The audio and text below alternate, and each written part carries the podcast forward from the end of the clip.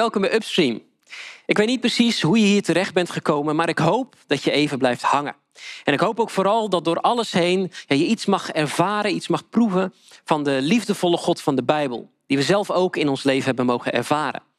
We zitten in de serie Keep on Dreaming. Blijf dromen. En daarin staan we elke keer stil bij een bepaalde droom die je zou kunnen hebben. Misschien gaat het deze keer wel iets over waar jij over droomt.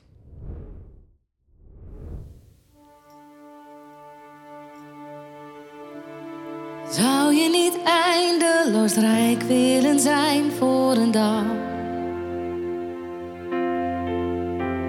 Als koning ontwaken en baden in wilde. Alles was goud wat je zag.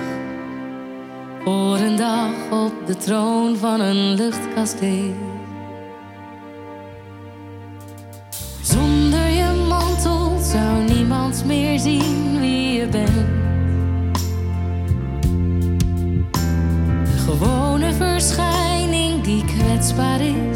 wordt niet langer als koning herkend. Onbevangen en naakt komt een mens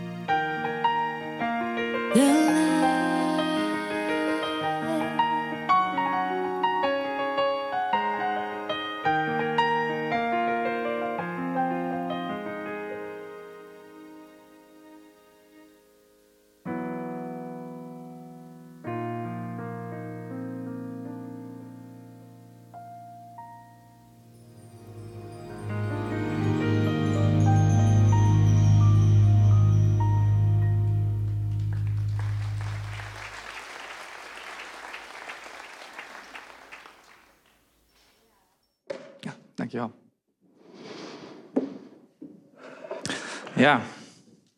Onbeholpen en naakt komt een mens op de wereld. En naakt gaan we hier weer vandaan. Best wel confronterend lied. Is van Marco Borsato. En het gaat over de dood. Het einde van de lijn. Vandaag gaan we hierover nadenken. Het onderwerp is mijn droombegrafenis. En heel toepasselijk is dit ook het einde van de themaserie Keep on Dreaming. Toen ik werd gevraagd om weer te komen spreken, eh, kreeg ik de vrijheid om zelf een onderwerp binnen deze serie te kiezen. En ik heb uitgerekend dit onderwerp gekozen.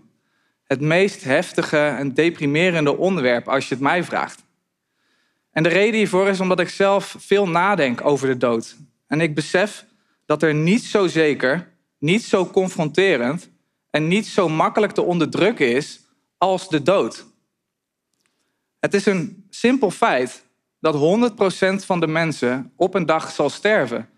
En op de een of andere manier kunnen we dat feit makkelijk wegschuiven, alsof het geen feit is. En ik denk dat dat een belangrijke reden is om te geloven dat dit een van de belangrijkste onderwerpen is waar je maar over kan nadenken. We hebben al veel verschillende dromen behandeld, van droombaan tot droomhuwelijk tot droombezit. En het zijn stuk voor stuk begrijpelijke dromen. Maar ik moet heel eerlijk toegeven dat ik droombegrafenis toch wel apart vind. Want hoe kan je nou dromen over een gebeurtenis waarvan je weet dat je er niet bij aanwezig kunt zijn? Dat is best wel apart, maar blijkbaar kan het. En uh, laten we nu eens kijken naar een filmpje uh, waarin mensen over hun droombegrafenis praten. We hebben mensen gevraagd uh, naar hun droombegrafenis en dit is wat ze erover zeiden. Denkt u wel eens na over uw eigen begrafenis? Nee, eigenlijk nooit. Dat, dat vind ik eigenlijk ook een stukje aan de nabestaanden. Uh, hoe zij dat mooi vinden om afscheid te nemen. Ik word, uh, als ik begraven word en ik ben een goede vrouw geweest, ga ik in, uh, word ik gecremeerd in een witte fles wijn. En ik word in Australië in de Great Barrier Reef gegooid. Ben ik een slechte vrouw, krijg ik een donkergroene fles of zwarte fles, dan kan ik niks zien. Dus dus ik denk zeker wel over de begrafenis. Nou, wel begrafenis. Niet droombegrafenis, maar wel begrafenis, ja. Ik denk wel, uh, als ik uh, afscheid, dat het wel mooi mag zijn en dan wel met een borrel. Hoe belangrijk vindt u het om na te denken over uw eigen begrafenis? Ik snap wel dat er mensen zijn die dat, die dat belangrijk vinden om erover na te denken. Ik zelf sta er meer zo in van ja, ik heb er zelf toch niks meer aan, dus... Uh, dus laat mensen maar doen zoals ze, zoals ze graag willen doen. Het zal tijd worden dat we erover na gaan denken. Maar uh, met dit weer denken we nog maar even aan de zon en nog maar niet aan narigheid. Dus, uh, maar het is wel een punt van aandacht. Ja, hele uiteenlopende reacties.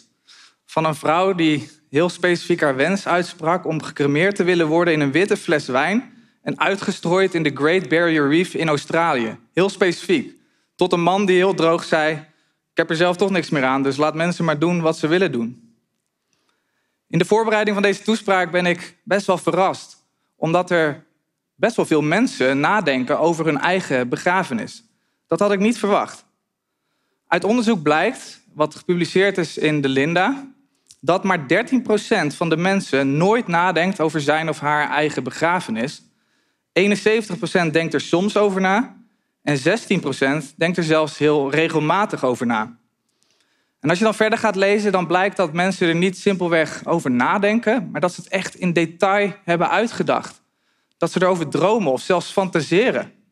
Zo hebben ze nagedacht in wat voor kist ze begraven willen worden. Wat voor muziek er gaat worden afgespeeld. Wat voor hapjes er zijn. Maar bovenal alle lieve dingen die vrienden en familieleden over hun zullen zeggen na hun dood. En hierin zie je weer die diepe hunkering naar liefde en erkenning. En dat is ook een belangrijke reden waarom mensen fantaseren over hun eigen begrafenis. En dat is best logisch, want we weten allemaal dat op begrafenissen de meest lieve dingen worden verteld over de persoon die is overleden. En dat kan een reden zijn om te fantaseren over je eigen begrafenis, omdat je dan denkt je eindelijk je welverdiende erkenning te kunnen krijgen. Maar ik denk dat er ook een andere reden voor kan zijn. Ik denk dat het ook een manier is om te dealen met onze diep gewortelde angst voor de dood. Het geeft namelijk het gevoel dat de dood niet zo erg is en dat je het onder controle hebt. Want een begrafenis kan je helemaal in detail gaan plannen.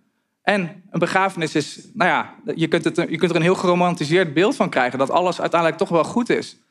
Terwijl het natuurlijk wel een feit is dat je je eigen dood helemaal niet kan plannen, maar het geeft een gevoel van controle.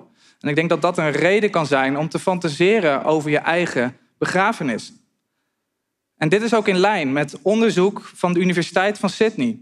En daarin wordt geconcludeerd dat bijna alle fobieën voortkomen uit een diep gewortelde angst voor de dood. Volgens het onderzoek ontstaan fobieën omdat we de overweldigende angst voor de dood overbrengen in kleinere en controleerbaardere angsten, zoals angst voor spinnen of angst voor hoogtes. En dit is best wel logisch, want als je kijkt naar de meeste fobieën, dan kom je erachter dat bijna alle fobieën wel iets te maken hebben met de dood. Een angst voor hoogtes is helder. Als je van een grote hoogte naar beneden valt, dan ga je dood en daar kan je bang voor zijn. Angst voor spinnen kan voortkomen uit een angst voor ja, giftige spinnen die je kunnen bijten, waardoor je kan sterven. En zo zijn er nog genoeg voorbeelden te bedenken. En het mooie van fobieën is dat je het meer kan controleren. Als je bang bent voor spinnen, kun je gewoon proberen spinnen te vermijden. En zo los je dan je angst op. En dat is iets wat we bij de dood niet kunnen. De dood is oncontroleerbaar. Dus dat is een reden voor mensen om hun diepgewortelde angst voor de dood over te brengen in kleinere en controleerbaardere angsten. En de moraal van dit verhaal is dat ik geloof dat de dood onze grootste angst is. En dat velen er alles aan doen om het niet in de ogen te hoeven kijken. De vraag die ik wil beantwoorden vandaag is deze. Wat vinden we zo eng aan de dood? En hoe kunnen we hier het best mee omgaan? Nou, laten we beginnen met de eerste vraag. Wat vinden we zo eng aan de dood? Er zijn verschillende angsten gekoppeld aan angst voor de dood. Voor sommigen is het een angst voor de verlies van controle. Want laten we eerlijk zijn, niemand kan zijn eigen dood plannen. We weten niet wanneer we gaan sterven, we weten niet hoe we gaan sterven. En dat in zichzelf kan best wel beangstigend zijn. Ook kunnen we bang zijn voor het onbekende. Want waar gaan we eigenlijk heen als we doodgaan? Wat gebeurt er dan? Of een angst voor degene die je achterlaat, je vrienden en familieleden. Dat je bang bent hoe het hen zal vergaan, dat je geen controle hebt over hun lot. Dat kan een angst zijn. Of sommige mensen zijn bang voor de pijn die mogelijkerwijs voorafgaat aan de dood.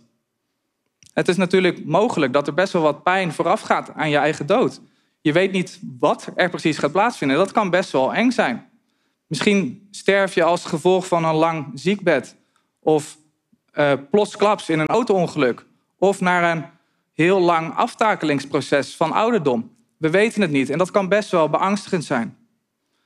En weer andere mensen kunnen bang zijn voor het oordeel van God. Dat ze in hun geweten beseffen dat ze niet hebben geleefd zoals ze zouden moeten leven. En bang zijn dat God ze zal veroordelen na hun dood. Maar er is nog een angst. En volgens de Canadese schrijver Stephen Jenkinson, een man die voor vijf jaar aan het hoofd stond van het counselingteam van Canada's grootste thuisprogramma voor palliatieve zorg, is dit de allergrootste angst. En dat is om vergeten te worden. Dat je opgaat in een betekenisloze leegte. Dat zelfs dierbare vrienden en familieleden uiteindelijk in staat zullen zijn om jou te vergeten en verder te gaan met hun leven. Dat schijnt volgens hem de grootste angst te zijn. En het deprimerende van de angsten die ik zojuist heb opgenoemd, is dat ze stuk voor stuk begrijpelijke en zelfs rationele angsten zijn. Angst voor controleverlies is terecht, want je verliest ook echt de controle als je sterft. Niemand heeft daar vat op op zijn eigen dood.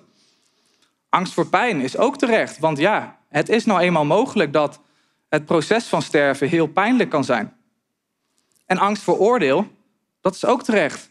Want zelfs al geloof je niet in God, hoe weet je dat je niet geoordeeld zult worden door God? Dat weet je niet en dus is deze angst terecht en redelijk. En tot slot de angst waar Jenkinson het over had, om vergeten te worden, om op te gaan in een betekenisloze leegte. Ja, dat is al helemaal terecht. Want na verloop van tijd zullen we allemaal sterven. En als je wetenschappers moet geloven, dan zal uiteindelijk zelfs de aarde worden opgeslokt door de zon en zal er uiteindelijk geen spoor meer van, de, van ons bestaan overblijven. We zullen allemaal uiteindelijk vergeten worden. En volgens Stephen Jenkinson is het zelfs nog erger. Dat zelfs vrienden en familieleden in staat zullen zijn om jou steeds meer te vergeten als je bent overleden. Laat me lezen wat Stephen Jenkinson hierover zei. De grootste angst voor stervenden was wat er van hun terecht zou komen na hun dood. Ze vreesden dat ze in relatief korte tijd spoorloos zouden verdwijnen uit het midden van de levenden. Deze angst is de uitkomst van hoe mensen normaal gesproken verder gaan met hun leven als iemand is gestorven. Na een tijd van rouw gaan mensen weer hertrouwen, de oude kleding opruimen, weer blij zijn met de mensen die er nog zijn, etc. Intuïtief wisten de stervenden hoe makkelijk het was om de doden te verliezen. En op deze laatste angst wil ik even inzoomen. Omdat het schijnbaar de grootste angst is, maar ook omdat het veel te maken heeft met het bestaan van God. Als God namelijk niet bestaat, dan is dit de meest rationele angst die er is. De angst om vergeten te worden, om op te gaan in een betekenisloze leegte. Want het leven is dan betekenisloos en absurd. En dit is ook de conclusie van Immanuel Kant. Immanuel Kant was een Duitse filosoof die leefde in de 18e eeuw. En hij wordt gezien als een van de meest invloedrijke denkers aller tijden. Hij heeft een enorme impact gehad op de westerse beschaving. En eh, wat interessant is aan Kant, is dat hij sceptisch was over bewijs voor God. Hij dacht dat je Gods bestaan niet kon bewijzen. Maar hij was wel gelovig. En gek genoeg formuleerde hij een van de sterkste argumenten voor Gods bestaan. Alsof Kant twee kanten heeft. Ja, heel slecht. Maar aan de ene kant was Kant heel sceptisch over bewijs voor God, maar aan de andere kant formuleerde hij heel sterk bewijs. En ik wil me richten op die kant van Kant. Nou, wat is dan dat bewijs waar Kant het over had? Hij stelde dat het een universele waarheid is dat we allemaal een diep besef hebben van goed en kwaad. Dat ieder mens een geweten heeft. En ons geweten vertelt ons niet simpelweg hoe we moeten leven, maar het legt het op. Het is een soort van plichtsgevoel. En we handelen allemaal van tijd tot tijd tegen ons geweten. We doen allemaal wel eens dingen waarvan we weten dat ze eigenlijk niet goed zijn. We leven dus niet zoals we zouden moeten leven. En deep down weten we dat. En volgens Kant is dit de verklaring voor het grote probleem van de mens. En dat is het probleem van schuld. We kampen allemaal met schuldgevoelens. En dat is volgens Kant omdat we niet handelen in lijn met ons geweten. En het interessante van ons geweten is dat je tegen je geweten in kan gaan. Maar wat je niet kan, is je geweten helemaal wegwerken. Je kan je geweten heel veel geweld aan doen, maar op de een of andere manier blijft het geweten bij ons en blijft het aan ons knagen. En de vraag is, is dit plichtsbesef, dit geweten of deze morele intuïtie of hoe je het ook wil noemen, het resultaat van evolutie of van God? Als het het resultaat is van evolutie, dan is het belangrijk om te beseffen dat ons plichtsgevoel in essentie een illusie is. Want naar wie of wat kan je dan een plicht hebben? Naar willekeurige chemische processen die het tot stand hebben gebracht? Daar kan je natuurlijk geen plicht naar hebben. En wat is nou het probleem? Nou, het probleem is dat niemand van ons ten diepste gelooft dat het een illusie is. Want anders zouden we van ons geweten af kunnen komen. Anders zouden we ja, van onze schuldgevoelens af kunnen komen. Maar dat lukt niet. En ook zag Kant praktische redenen om niet deze weg in te gaan. Want als onze morele intuïtie, als ons geweten een illusie is, ja, dan is goed en kwaad een illusie. En dan heeft de Russische schrijver Dostoevsky gelijk. Dan is alles toegestaan. Dan zijn we het resultaat van willekeur. En kun je jezelf de vraag stellen: waarom zouden we dan niet willekeurig handelen? Wat maakt het eigenlijk uit hoe ik leef? Het leven en dus ook de dood is dan betekenisloos en absurd. En hoe Kant het probleem oploste is best wel uniek. Hij stelde niet de vraag van, heeft ons geweten betekenis en waar komt het vandaan? Nee, hij oversteeg het probleem en stelde een veel diepere vraag. En dat is deze. Als ons geweten, als het leven echt betekenisvol is, wat moet dan allemaal waar zijn? En deze vraag wil ik nu gaan beantwoorden. Het eerste wat waar moet zijn, is gerechtigheid. Er zal iets zijn als gerechtigheid. Want als je kan wegkomen met slechte daden, dan is er geen praktische reden om niet egoïstisch te zijn. Als je bijvoorbeeld een bank kan beroven en niemand komt erachter en je kan heel veel geld voor jezelf krijgen, waarom zou je het dan uit praktisch oogpunt niet doen? Alleen wanneer goed gedrag wordt beloond en slecht gedrag wordt bestraft, uh, heeft ons geweten echt betekenis. Dan, dan doet het ertoe om er naar te luisteren. En het probleem is dat als we in deze wereld kijken, dan zien we misschien soms wel gerechtigheid, maar heel vaak ook niet. Heel vaak komen slechte mensen weg met hun slechte daden en worden goede mensen gestraft voor hun goede daden. Dus gerechtigheid is niet in deze wereld te vinden. In ieder geval niet ultieme gerechtigheid. En dus dacht Kant verder en stelde die van oké, als er geen gerechtigheid is in dit leven, dan moet er een ander leven zijn waar dan gerechtigheid wel kan plaatsvinden. Oftewel, er moet een leven na de dood zijn. En dit is ook best wel logisch. Want als de dood echt het einde is, dan maakt het natuurlijk sowieso niet uit hoe je leeft. Want het eindresultaat is voor iedereen hetzelfde. Of je nou goed of slecht hebt geleefd. Of je nou leeft als een moeder Teresa en kinderen verzorgt en jezelf voor hen opoffert.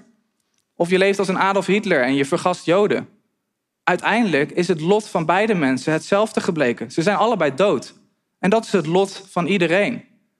Oftewel, als je bestemming ongerelateerd is aan je gedrag, namelijk de dood, en het maakt niet uit wat je doet, ja, dan is je, maakt je gedrag uiteindelijk niet meer uit. Want het lot is voor iedereen hetzelfde. En dit is iets wat ik besefte toen ik 21 jaar oud was. Ik was nog niet gelovig en ik was met mijn familie op vakantie in Zuid-Afrika. Het WK was toen in volle gang. Uh, en Nederlands elftal heeft het toen tot de finale gehaald. En ik was getuige van al die wedstrijden in het stadion. En het was echt de tijd van mijn leven en ik ervoer intens geluk. Maar tegelijkertijd kwam er toen ook voor het eerst een leegte over me heen. Omdat ik ging nadenken over het leven en me besefte dat vroeg of laat mijn ouders zouden sterven. Dat vroeg of laat ik zou sterven. En dat het dan allemaal voorbij is. En ik besefte ook eigenlijk van ja, wat maakt het eigenlijk uit dat ik nu kortstondig geluk ervaar? Het is straks allemaal voorbij. Er kwam een gevoel van betekenisloosheid over me heen, wat best wel duister is. En ik vroeg mezelf af, wat maakt het eigenlijk uit dat ik jong ben? Ik zal oud worden. Wat maakt het uit dat ik nu sterk ben? Op een dag zal ik zwak zijn. En zelfs een nog diepere vraag. Wat maakt de liefde tussen mijn vrouw en mij eigenlijk uit? Vroeg of laat zal mijn vrouw sterven en zal ik sterven en zal de liefde ook voorbij zijn als de dood het einde is. Dus zelfs dat is dan betekenisloos geworden. Dus de moraal van dit verhaal is dat leven na de dood noodzakelijk is voor betekenis. Maar het is niet voldoende. We hebben meer nodig. Want als het hiernamaals slechts het verlengde is van het leven hier op aarde, dan hebben we nog steeds geen gerechtigheid. Dus wat we nodig hebben, is een moreel perfecte rechter. Een rechter die precies een rechtvaardig oordeel weet te vellen. Die iedereen kan geven wat hem of haar toekomt. Maar ook daar hebben we niet genoeg aan. Want deze rechter moet natuurlijk wel op de hoogte zijn van alles wat we hier op aarde hebben gedaan. En ik zou zelfs stellen, niet alleen wat we hebben gedaan, maar ook wat we hebben gedacht.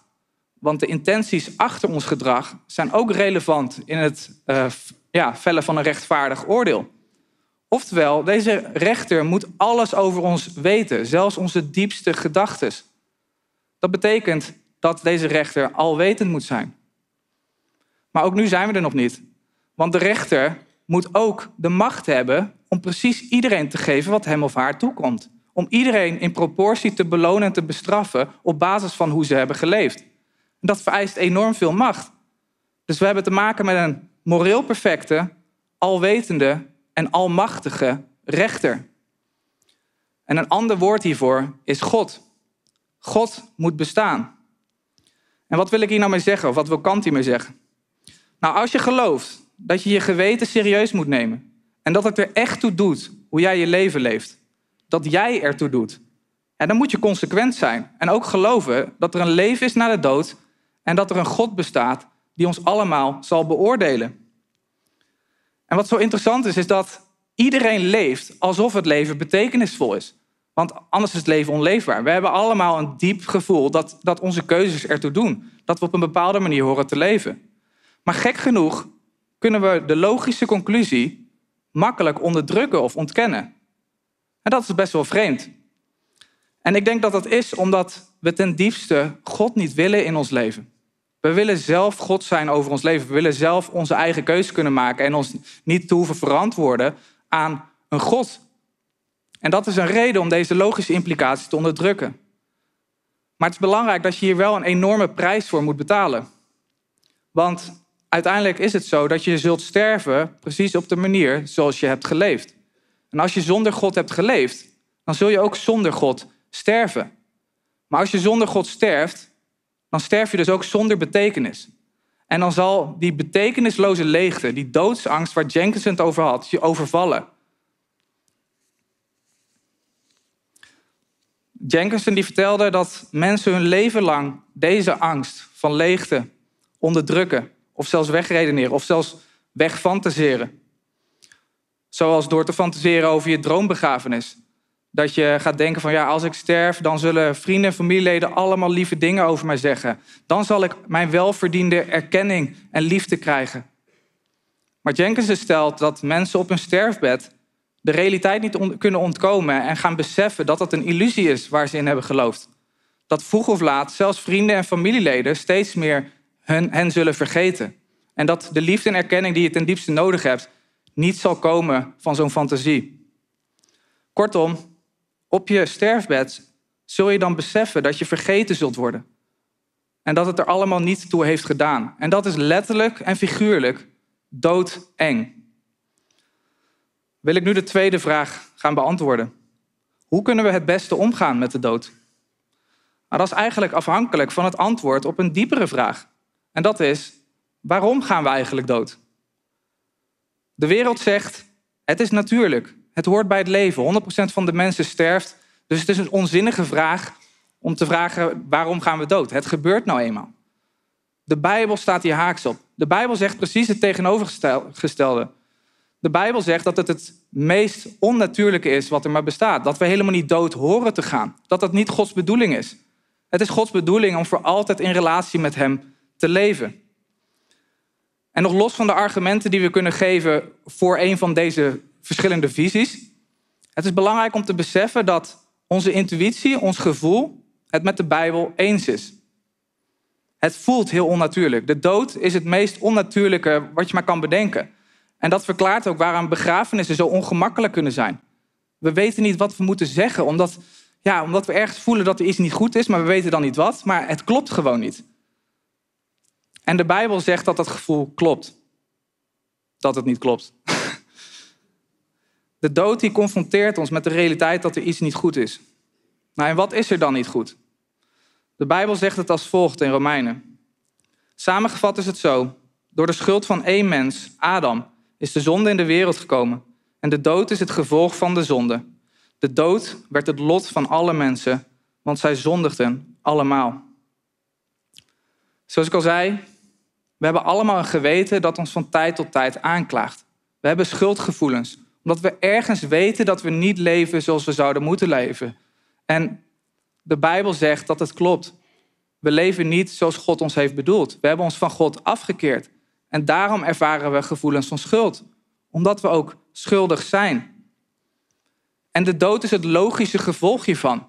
Want wij hebben ervoor gekozen om ons tegen God te keren. Maar als je beseft dat God schepper is van hemel en aarde, de bron van het leven, ja, dan is het gevolg van ons tegen God keren de dood. Want als je, als je niks te maken wil hebben met de bron van het leven, ja, dan, dan is er niks anders dan de dood. Dan zul je sterven, want God is het leven. En als wij dat niet willen, ja, dan, dan zullen we dus het leven ook niet krijgen. En dit probleem is veel groter dan dat wij kunnen beseffen.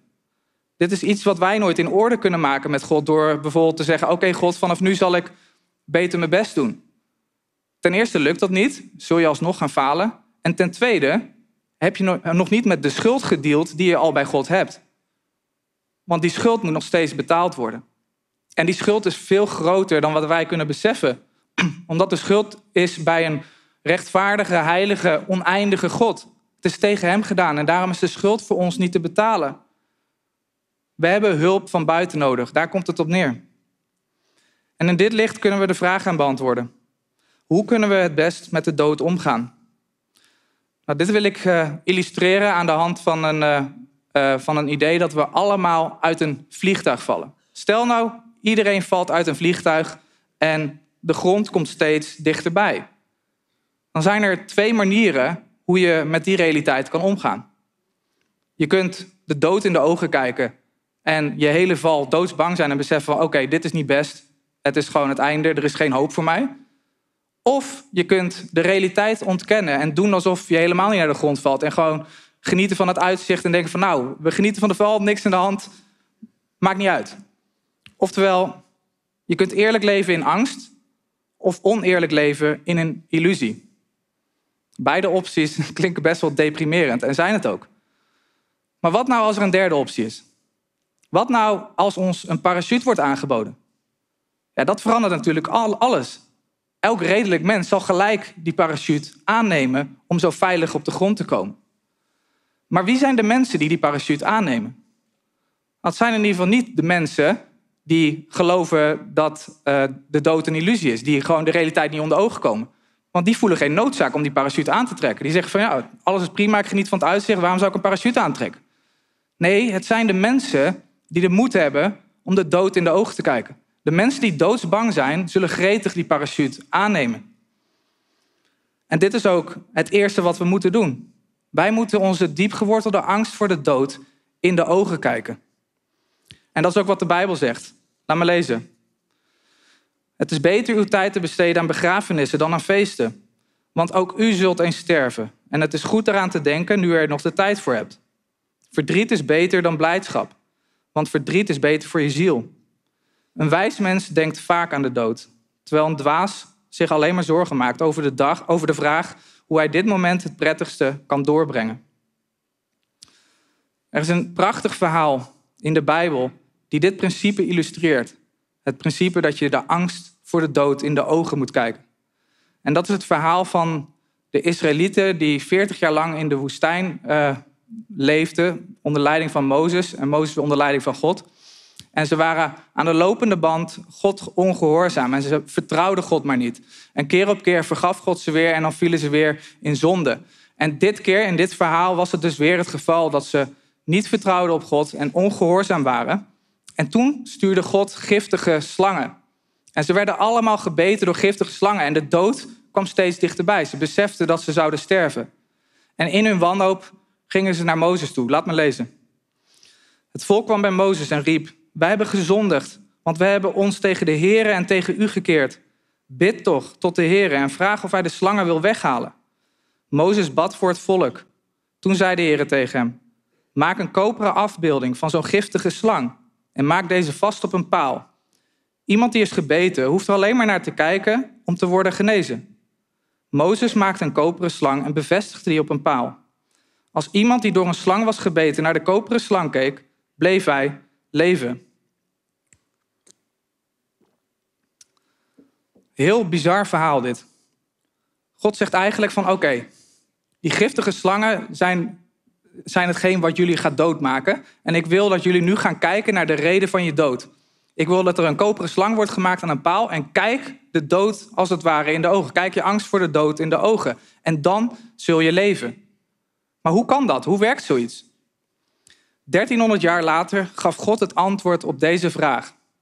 Jezus zei hierover het volgende. Zoals Mozes in de woestijn een koperen slang omhoog hield, zo moet ook ik, de mensenzoon, omhoog geven worden, opdat ieder die in mij gelooft eeuwig leven zal hebben.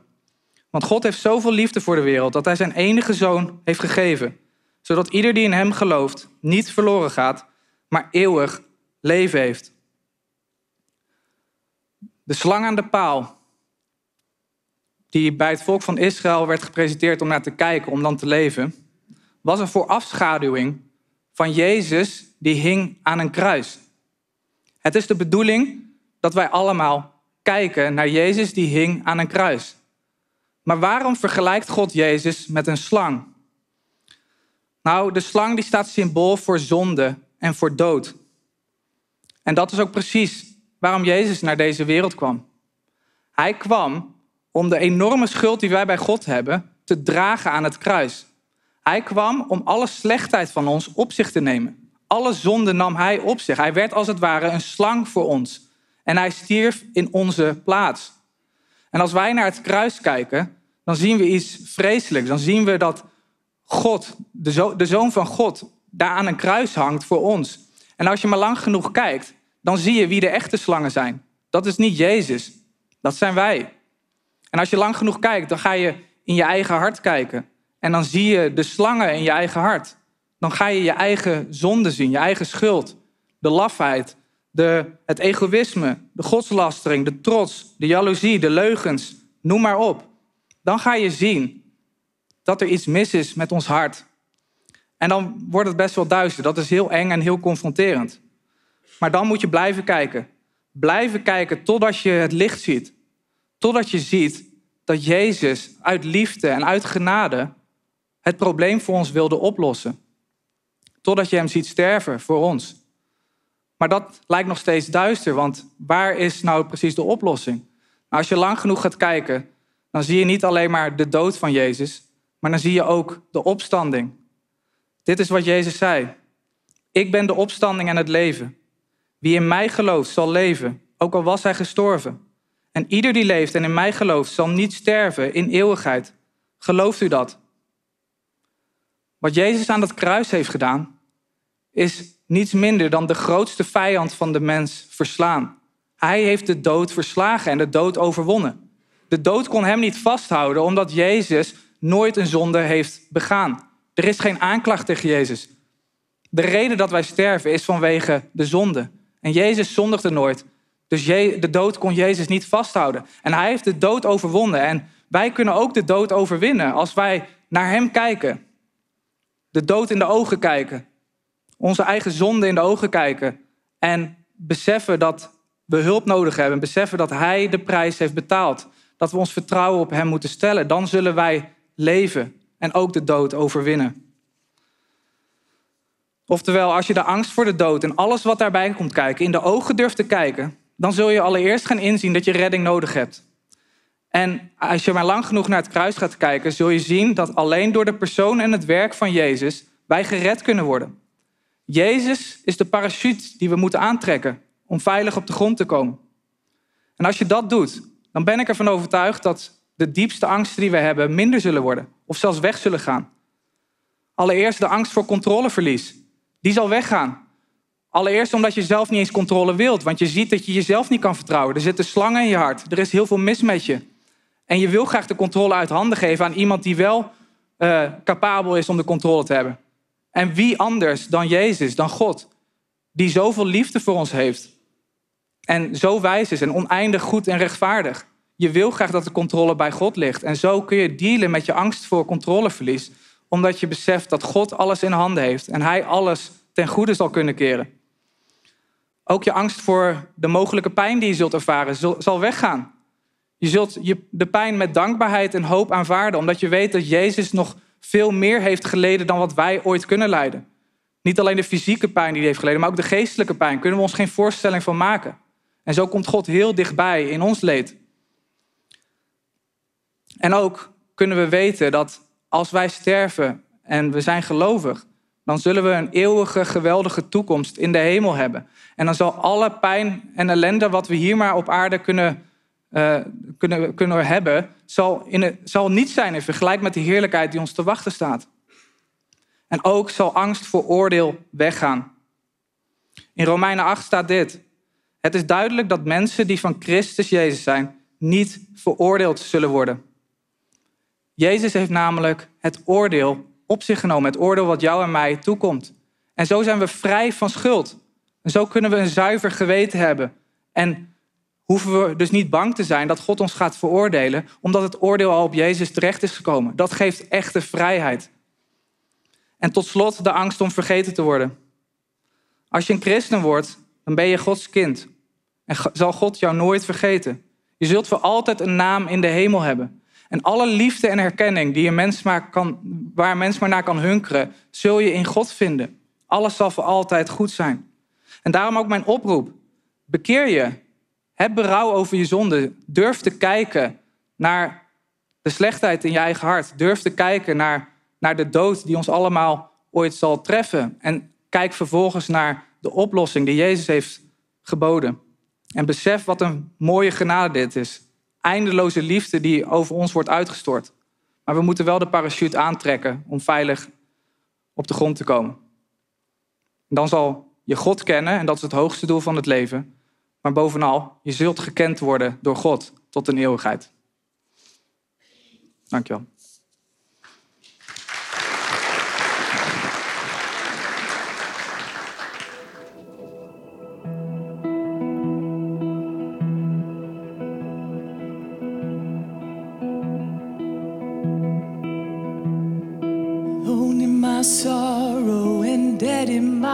In.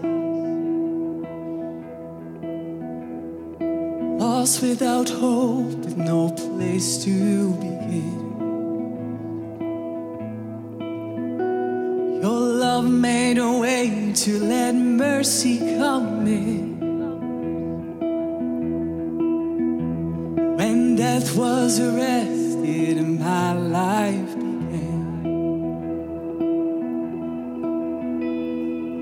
Ash was redeemed, only beauty remains. My orphan heart was given a name. My morning grew quiet, my feet rose to dance. When death was arrested and my life began.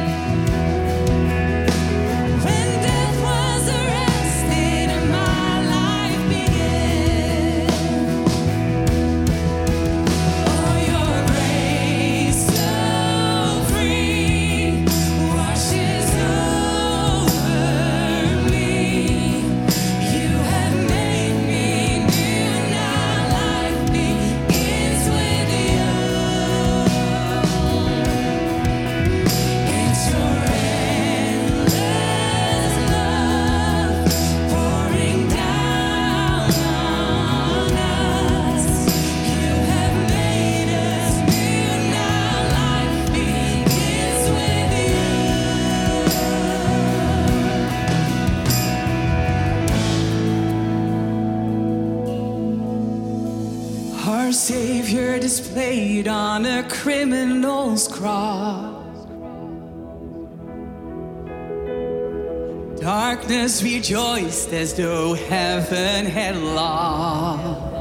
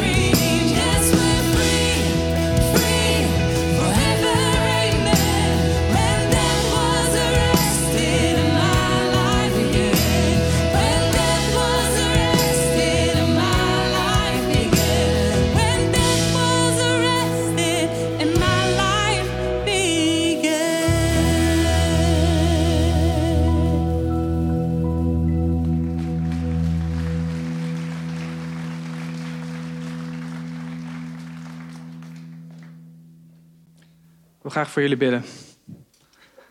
Vader in de hemel, dank u wel eh, dat ik hier vandaag mocht staan om weer te spreken over het eh, mooiste nieuws wat er maar is.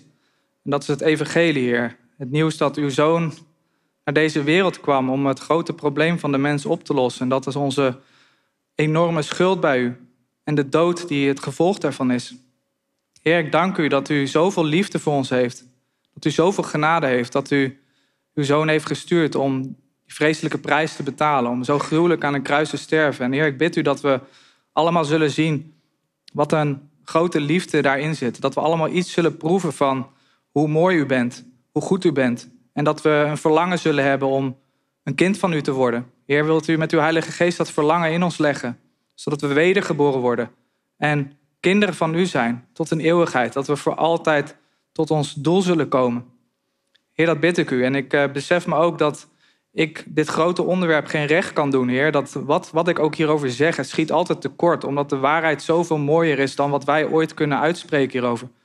Maar ik bid u dat u met uw Heilige Geest uh, toch iets van die schoonheid kan overbrengen. Dat we zullen gaan inzien dat we redding nodig hebben. En dat we ons vertrouwen zullen stellen in Jezus, die onze parachute is. En dat we zo veilig op de grond zullen komen. Dat bid ik u in Jezus' naam. Amen. Ja, best wel een heftig onderwerp, denk ik. En ik, uh, spijt me, maar ik ga er nog iets aan toevoegen. Er staat boven uh, losse eindjes. Ik heb het gedichtje nu net geschreven tijdens de, uh, alles wat er voorbij is gekomen. En ik hoop dat het aansluit bij het thema. Losse eindjes. Mijn leven begon goed. In een warm gezin. Eigenlijk kon het niet beter. Er was geen beter begin. Ik groeide op en werd van baby een kind. De wereld veranderde langzaam. Een komische tragedie die je niet verzint. Er waren mooie momenten. Op school, werk en gezin. Maar ook heel veel schade en bedrog door vader, vriend en vriendin. En nu lig ik daar. Na een gruwelijke rit in een ambulance. Zo plots uit het leven gegrepen. Vergingen al mijn kansen. Ik wist dat het ooit zou komen, maar toch kwam het onverwas. Mijn lot keerde zich tegen me, zonder een sprankje van hoop dat de pijn verzacht. Naast mijn bed in het ziekenhuis ligt nog een andere vrouw. Ze lacht heel vriendelijk naar me. En dat maakt mijn leven heel even minder grauw. Het is een tijdje stil, maar hoe langer ik bij haar ben, lijkt het alsof zij iets heeft wat ik helemaal niet ken. Ik durf niet te praten.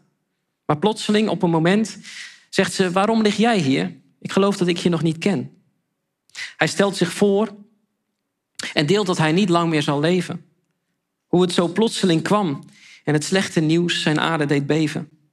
Hij vertelt over hoe de dood hem nu opeens intens bezighoudt. Want er zijn nog zoveel losse eindjes. Er is iets dat zijn ziel opknauwt. De relatie met mijn vader, vertelt hij, was eigenlijk nooit heel diep. Blijft het nu voor eeuwig een open eindje dat ik hem de dood toeriep? De vrouw hoort het allemaal aan en ze luistert heel oprecht. Ze huilt zelfs met me mee. Het voelt zo ontzettend echt. Na een, na een urenlang verhaal schaam ik me voor zoveel woorden. En ik vraag, hoe zit jij hier eigenlijk? En verontschuldig me dat ze dit allemaal aan moet horen. Maar dan reageert ze heel anders dan ik had verwacht. Ze zegt, ik wil je iets vertellen wat je lijden wel verzacht. Je mag weten dat hoe je hier ook zit, hoe je dit leven ook verlaat, of je nou een puinhoop achterlaat of een paleis, voor God is het zelfs nu nog niet te laat. Mijn verhaal is net als jou, vol van losse einden. Het leven voelt pijnlijk incompleet. Ook ik was langzaam weg aan het kwijnen. Maar ik werd eruit getrokken. Mijn losse eindjes werden tot een net geweven. Ze werden weer verbonden tot een vangnet voor mijn leven. En dus zit ik hier heel anders. Ook ik keek eerst angstig de dood in de ogen. In de ogen van de dood. Maar daar in het duister zag ik iemand die me te hulp kwam in mijn nood. Hij stak zijn touw uit en zei: Knoop je losse eindjes er maar aan. Want mijn touw is zelfs sterk genoeg. Zelfs jij kunt erop staan. Ze glimlacht lief en zegt: Voor God is het nooit te laat. Maar dat aanbod geldt maar tijdelijk, totdat de dood opeens voor je deur staat. Dus leg je losse eindjes maar vast aan zijn anker. Dan lig je vast en kun je slapen, zelfs al word je nu opgegeten door de kanker. Ik ben overdonderd door wat deze vrouw vertelt. Wat ik nooit serieus nam, wordt opeens een optie, nu mijn dagen bijna zijn geteld. De vrouw draait zich om en zegt: Neem maar even de tijd. Mijn verhaal komt later misschien nog wel.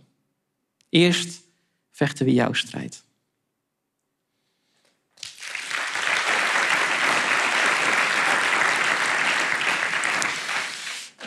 Best wel een serieuze dienst zo, hè? En, uh, maar wel iets waar je, denk ik, ja, wat als je erover na gaat denken, wat je leven zo ontzettend kan verrijken en verdiepen. En uh, Ja, dat wens ik je ontzettend toe. Ik hoop dat het je iets mocht doen, op wat voor manier dan ook. En uh, of het mag inspireren of aan het denken zetten. Of nou, misschien is er een ziek iemand in je leven die, die je dit kan laten zien. Of ik weet het niet. Maar ik hoop dat het iets moois mag doen bij je. En dat het je dichterbij de God mag brengen waar we zo in geloven.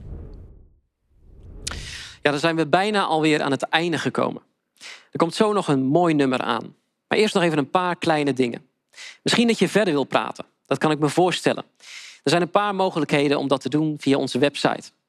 Tegelijkertijd zit er misschien wel een upstream locatie bij jou in de buurt. En dat is een plek waar je samen met andere mensen deze video's kunt beleven en daarover door kunt praten. Kijk snel of dat er zo'n upstream locatie bij jou in de buurt zit. En tenslotte, ja, misschien wil je nog meer video's kijken. Dat kan. Onze website staat vol met video's over allerlei thema's. Voor nu, tot ziens bij Upstream.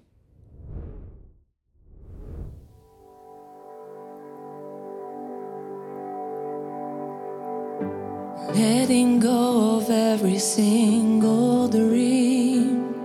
I lay each one down at your feet.